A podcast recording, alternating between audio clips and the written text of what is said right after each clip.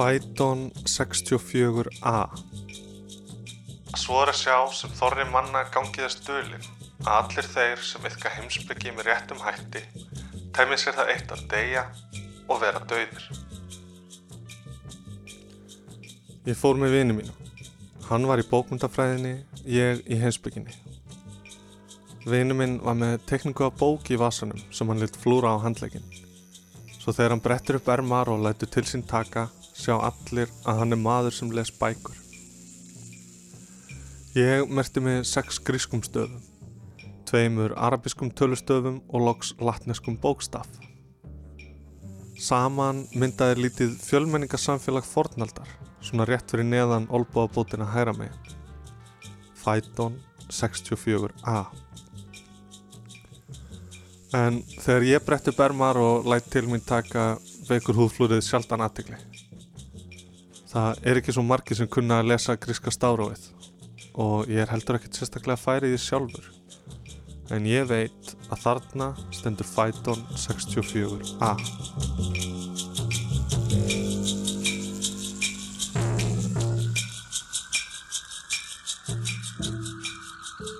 Þetta er tilvísun í Platón.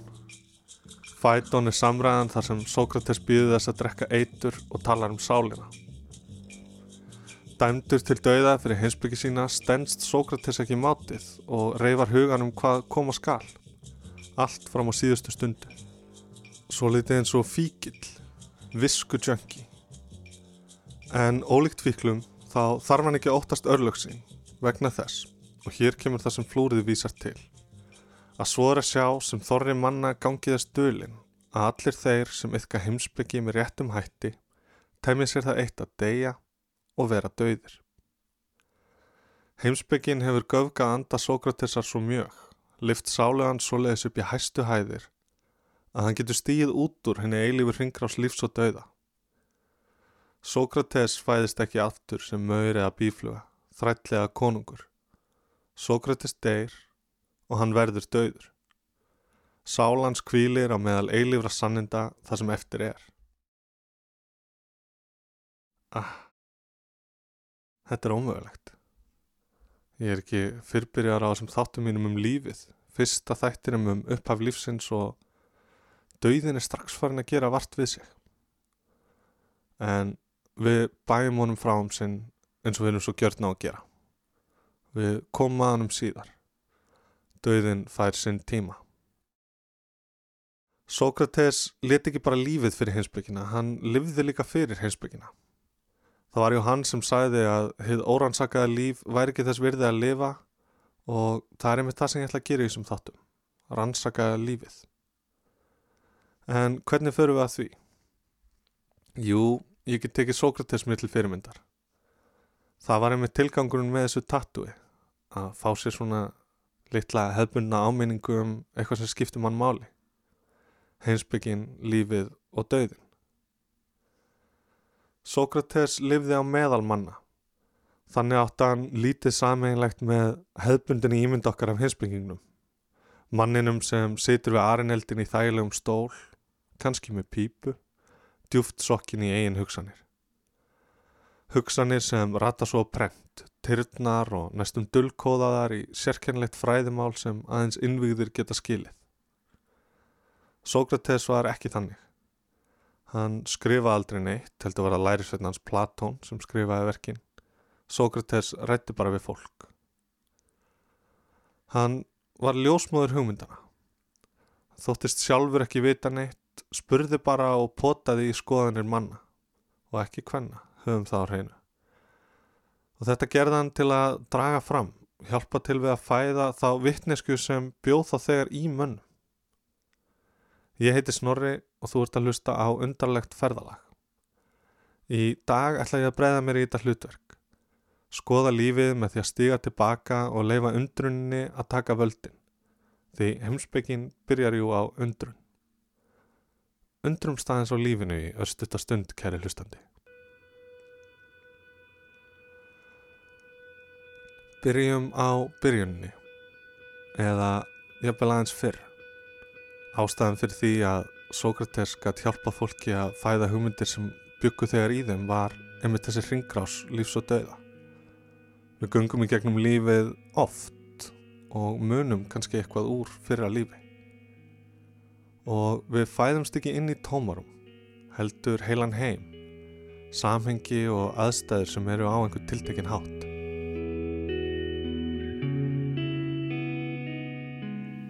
ég var eiginlega ekki, ég var ekki sopnuð.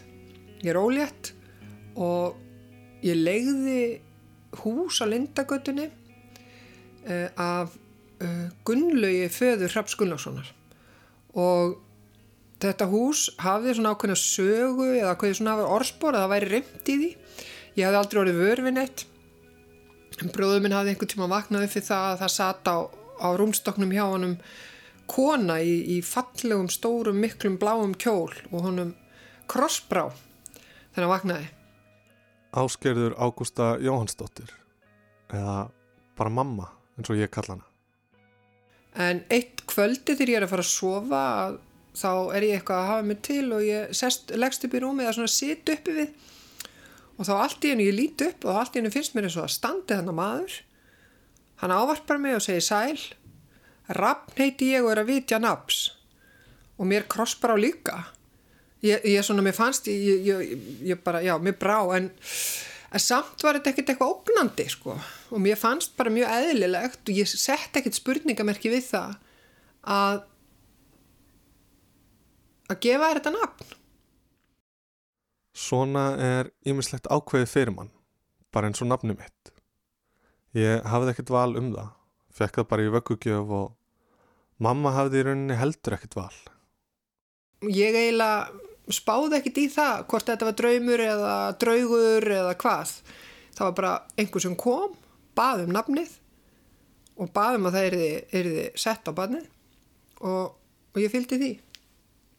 Mér fannst þetta alltaf vera bara ókunnugur aðili en mér fannst ég samt ekki geta gert neitt annað heldur en að verða við óskans og það er bara eitthvað sem að maður er ég veit það ekki, það er bara eitthvað sem að maður sem Íslandingur er bara alveg uppið ef að, ef að napsi vitjaði draumi þá bara læti maður eftir því.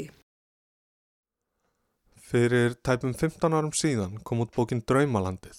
Sjálfsjálfar bók handa hrættri þjóð eftir Andrasnæði Magnason Þetta er bók sem fjallar einhverju leiti um samband hugmynda á heimsins.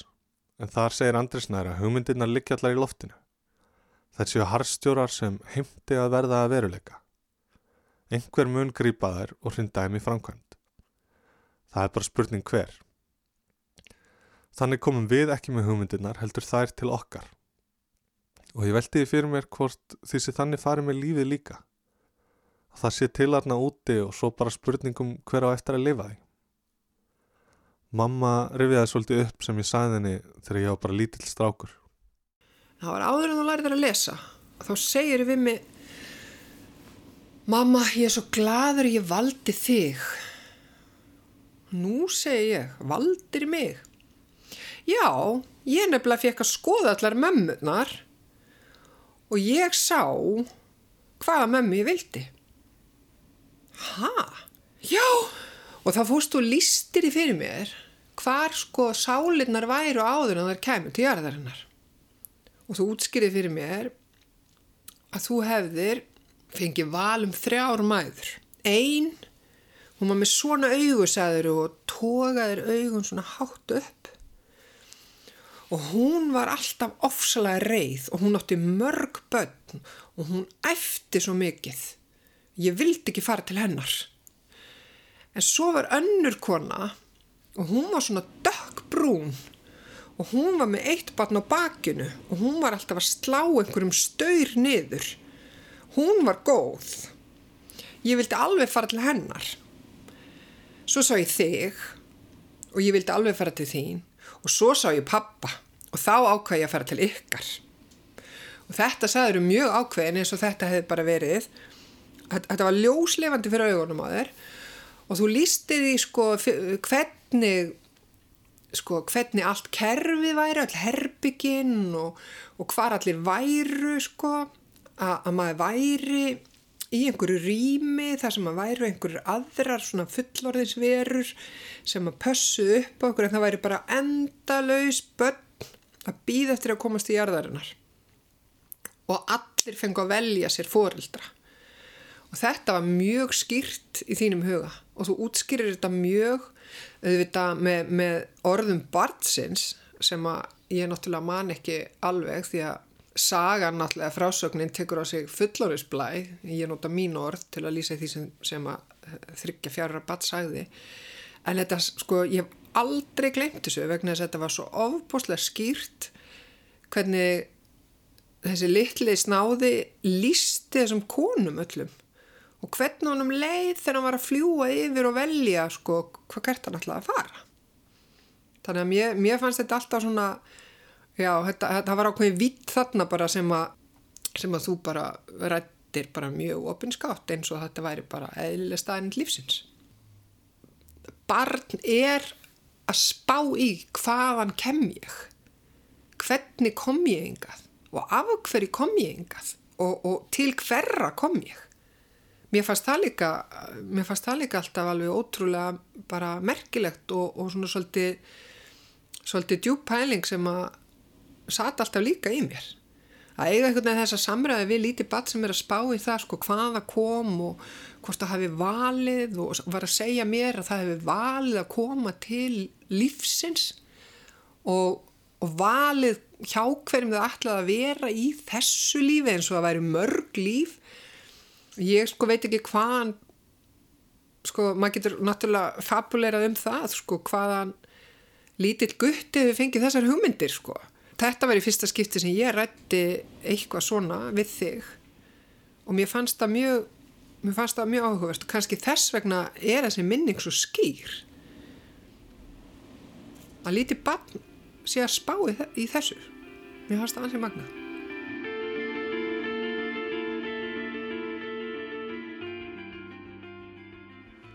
Hvort sem sagan er sönn eða ekki þá bendur hún til þess að lífið byrji áður en lífið byrjar að baki hverju lífi er röð atbyrða sem tegir sig óendanlega langt aftur í tíman það þarf ekki nema að eitthvað eitt atriði væri svolítið öðruvísi og heimurinn væri allt annar. Við komum steginleiki hjá því að velta þessu fyrir okkur. Hver sé tilgangurinn með þessu öllu saman? Hvað er lífið eiginlega? Og hér er ég, 20 og eitthvað árum síðar í útvarpinu, en þá að velta þessu fyrir mér. Því það er svo skrítið að það skuli vera eitthvað í staðin fyrir ekkert. Hvað þá líf? Mannskeppnan hefur frá því hún byrjaði að hugsa velti fyrir sér hvaðan hún kemur. Þales nokkur, forn grikki og fyrsti skrásætti hinsbyggingurinn hjælti fram að allt væri vatn. Ekki bara höfin heldur ströndin líka. Ekki bara árnar heldur bakkarnir líka. Ekki bara rigningin heldur himnarnir, jörðin og heimurinn allur. Og lífið vantanlega líka allt gengdi sömu lögmálum. En lífið gegnir ekki sömu lögmálum á náttúrann. Það er líkast í að vera ákveði róf, glufa í lögmálunum, gati heiminum þar sem allt getur gerst. Og hvert einasta líf er kraftaverk. Það er ótrúlegt að það skulu vera til. Einn stjætt umfram aðrar verður vitnið að þessu á hverjum einasta degi. Ljósmæður taka á hverjum degi á móti nýjum einstaklingum. Littlum börnum sem eiga eftir að skrifa sína eigin sögu inn í samhengi hlutana. Vonandi eftir eigin höfði.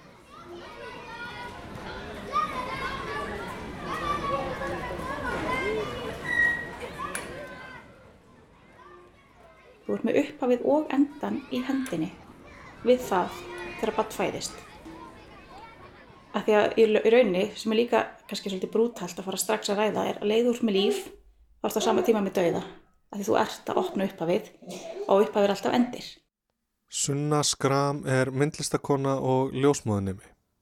Ég heimsótti hana og Nínu Margreti nokkur á manna gamla dóttur hennar. Og það er eitthvað alveg ótrúlega magnað fyrir einstaklinga að upplifa þetta í fyrsta sinn að vera með í rauninni þessa, þessa stóru stærðir lífsins. Beint fyrir framann sig. Og þetta kraftaverk. Það er eitthvað sem getur aldrei vanist eða getur aldrei orðið hverstagslega upplifun að fylgjast með fæðingu og því þegar bann kemur heiminn. Eitthvað svona stund sem að verður aldrei eins og hún er í rauninni eðlileg og það eðlilegasta í lífinu það getur hún samt aldrei ó, þetta er vonlust ok Hún malar það bara. það malar hún bara bara ungi út okkur. já, einmitt til að skuldina brjóst það er hvort við fáum ekki aðeins já Sjóni. já, ég var að ræða þess að þessa stund sem að þetta fæðingin sjálf, mesta undur lífsins, mesta kraftaverk lífsins sem er svo svona tvíækja að verður svona alveg ótrúlega náttúrulegt, eðlilegt og einfalt og á sama tíma það er gríðarlega flókið, stórt og svona magnað. Það er einhvern veginn, þetta er svo, er svo stórt að öllu leiti í báðar áttir. Maður þarf alltaf að minna sig á það aftur og aftur að þetta er líka náttúran, að þetta er þetta einfalda og eðlilega. Kraftaverkið felst í því að náttúrulegt ferli, getnaður, meðganga á fæðing, getur af sér eitthvað meira en sjálft sig.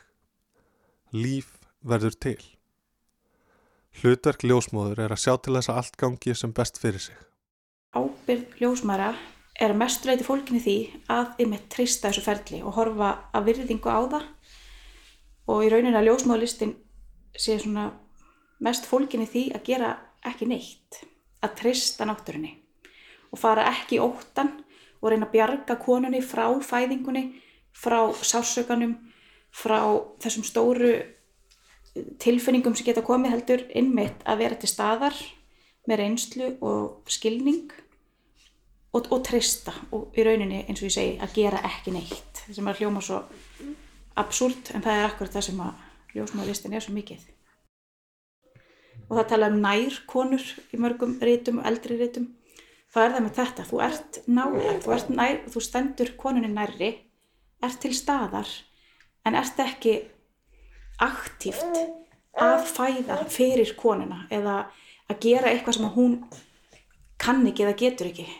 Heldur að þú bara miðlæðurinn þekkingunniðin og reynslunni, þú sé þetta ofta áður og þú veist þegar hún er komin á ákveðin stað þar sem hún er að örmagnast og gefast upp að þá er hún einmitt að klára og þá, og þá stappar hérna stálinu og segir já þá ertu akkurat að ljúka út útvikun, þú ert að klára, þú getur þetta þetta er ekki hættulegu sásöki þú ert ekkert að óttast, allt þetta er það sem að ljósmaður gera í grunninn. Eins og Sókrates, þá getur ljósmóður ekki unnið vinnuna fyrir þig. En hún getur hjálpað þér að ná fram þeim krafti og vittnesku sem þú býr nú þegar yfir. Þetta er alltaf einstaklingsbundið en Sunna segir að hugmyndin um seglu gegnir líki hlutverki í hennar starfi.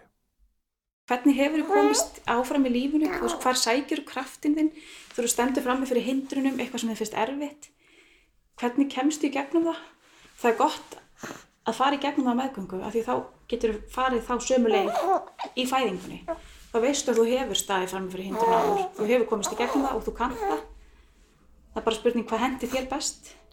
Sumar konur nota mikið röttina, fari í ákveðnar svona bardastellingar menn aðrar þurfa að vera mjög svona þögglar og fá mikið svigurum og svona prífasi til þess að fá kraftinn sinn og tröstið sitt til þess að fæða. Mjög ólíkt hvað konur þurfa í fæðingu þannig að en það er einmitt ljósmaðurinnar að hjálpa konun að finna það hvaða er sem að hvaða leið hún vil fara og hvað reynist henni best. Þannig að maður þarf að vera alveg rúslega læs sem ljósmaður. Sunna fór ekki beint hefðbundna leið inn í ljósmóðunámið. Ég kem með bakunur myndlist. Hérna, dóttir mín fara aðeins að tjá sig með, hún er alltaf nýbúin að upplifa þetta magna færdi sem maður ræða, fæðinguna, nýbúin að fæðast. Já, ég kem sér satt úr myndlist, þar sem að ég bara stundaði mitt myndlistan á hérna á Íslandi og var mikið í sköpun og, og var í sömu viðlögum og í ljósmáðfræðinni. Ég var ítrekkað að standa sjálf um að því að gera verk um valdeflingu, hvenna að taka sér plás, að treysta líkamannum og svo er þetta samtal manns og náttúru. Hvernig, hvernig við erum að færast frá náttúru og yfir í ákveðna fyrringu. Þú veist, ég var að gera mína list þegar Káranhugavirkun virkun var hérna var að koma henn á fót og svona þannig að það var svona ákveðin reyði og svo mildaðist ég við það eignast börnin mín og gerði mig grein fyrir því að ég var með þetta allt í höndunum.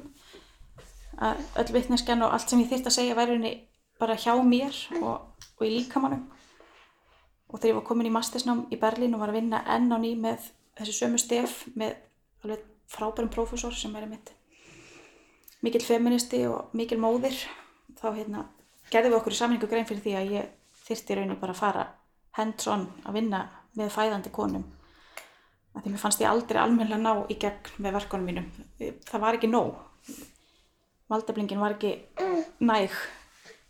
Þannig að þá bara tók ég nýja ákverðun fór í hjúgrunafræði og núna er ég að klára ljósmáðurfræðina þannig að ég er svona að reyna að tvinna í rauninni hugmyndafræðina mína svolítið í ljósmáðurfræðinni þó það sé stundum eitthvað langsótt og maður er svona alveg að bara á, á fullu að leta, lesa klíniskar reglur upp á spítala og setja sig inn í mjög flókin störf ljósmaðra þá er þetta í grunninn spratti frá sömu hugsun og sömu afstöðu. Ég maður þegar ég var útskjáðast sem myndlistakona hafði ég svo mikið ágjör af því að það er, svo erfitt að taka hana titil og kynna sem er því að vera myndlistamæður eða myndlistakona það væri svo stort og þrúandi ég einhvern veginn þorði því valla ákvað að gefa mig tvö ár til þess að setjast inn í titilinn en ég veit ekki hvað ég ætla að gera þegar ég útskafast núna sem ljósmóðir. Ég bara að standa undir þessu starfsheiti ég það bara passa maður að hugsa ekki mikið um það. Þetta er svo magnað. Ég bara veit ekki hvort ég þóri að kynna mig með þessu. Þetta er svo að maður kynni sem með því að maður sé ofurheitja því að það ger, gerist eitthvað auðvun á fólki. Maður segist það er ljósmóðir eða læri ljósmóðfræði þú veist það ósvegulega það myndast smá geyslabaugur yfir fólki. Ég hef alveg upplegað sjálf þegar ég mæti ljósmærum ég sé smá geyslabaug bara, mér finnst það eitthvað magnaðar. Þær er að fá snerta á hennu stærsta í lífun og hverjum degi í vinnunni sinni og meðan við hinnum kannski bara gera eitthvað annað sem er kannski bara alls ekki eins magnað.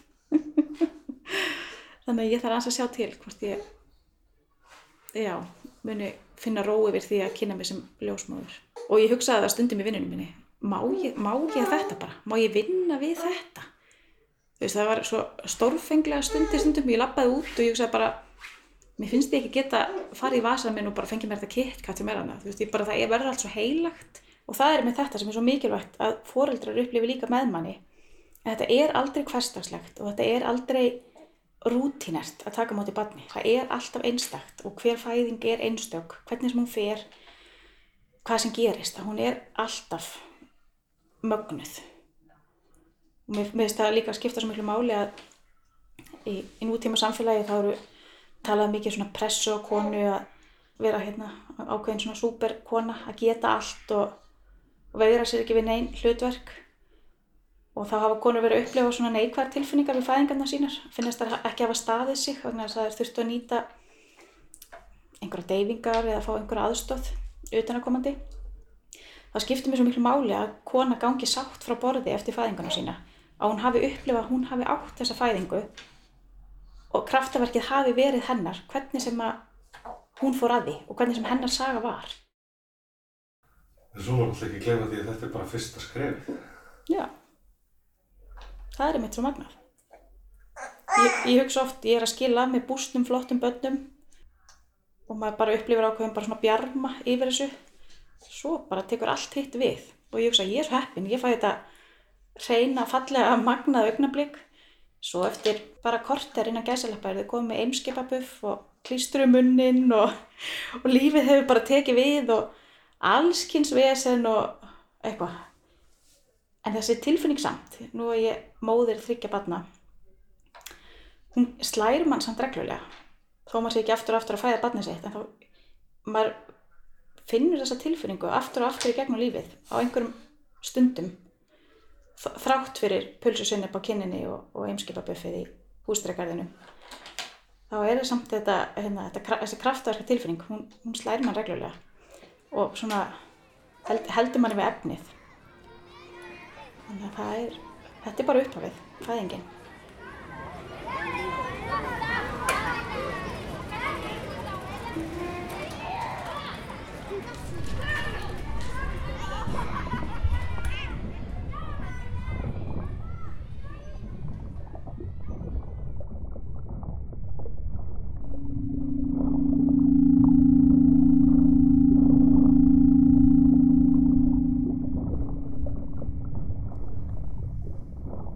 Þetta er bara upphafið, eins og þegar lífskrafturinn rann inn í efnið og líf kviknaði á jörðinni.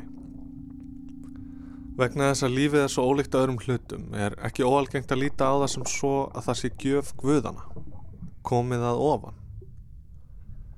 Ég tek svo sem enga afstöðu til þess, en það er vissulega eitthvað yfir náttúrulegt við lífið. En á jörðinni að minnstakosti er lífið komið að neðan í vatninu sem Thales held að útskýri allt.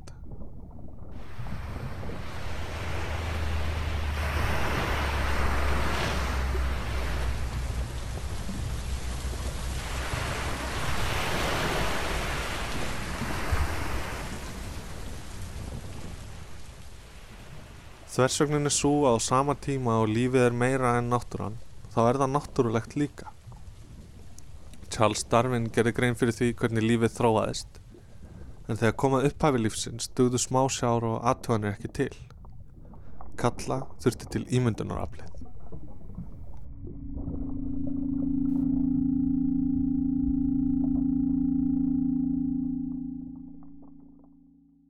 Oft er sagt að öll skilirði fyrir frum myndun lífera sem nokkun tíman getur hafa verið fyrir hendi séu það einnig nú á tímum.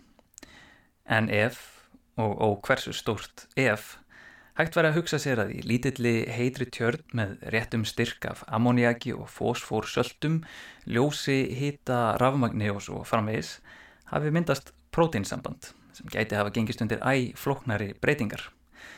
Nú á tímum myndi slikt efni þegar í stað vera getið eða tekið upp, en slikt hefði ekki gerst áður en líferur hafðu verið myndaðar. Lífið hefði gjörðið til ef lífið hefði verið til. Og nokkurnu einn svona kviknaði lífið í frum súpu efnasambandana í hafinu. Fyrir miljardum ára meðan eldgós og loftsteinar dundi á yfirborði jarðar voru höfin hlý. Littlar eindir fóru að rotta sér saman, búið til ný og ný efni sem urður lífræn og gátur loks af sér líf. En er deilt um það hvort þessar frum lífverur hafi fyrst þróað með sér hæfileikan til efnaskipta eða til eftirmyndunar. Vísindamenn veltaði þannig fyrir sér hvort lífið hafi fyrst geta viðhaldi sér eða markvalda sig. Og við komumst kannski aldrei að því. Lífið sjálft hefur strókað át flest merki um uppruna sinn. Og við erum komin svo langt frá upprunanum. Komin upp á land farin að hugsa orðin frjáls á sama tíma og við erum hluti af náttúrunni þá aðgreinum við okkur frá henni.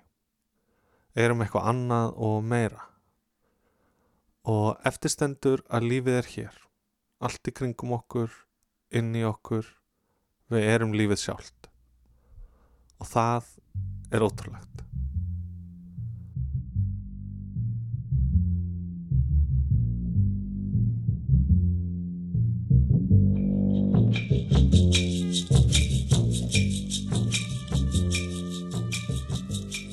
Við höfum aðeins skoðað hvernig lífið kviknar í dag en í næsta þætti spáum við það hvernig manneskjan heldur lífinu í sjálfur sér. Takk fyrir að hlusta.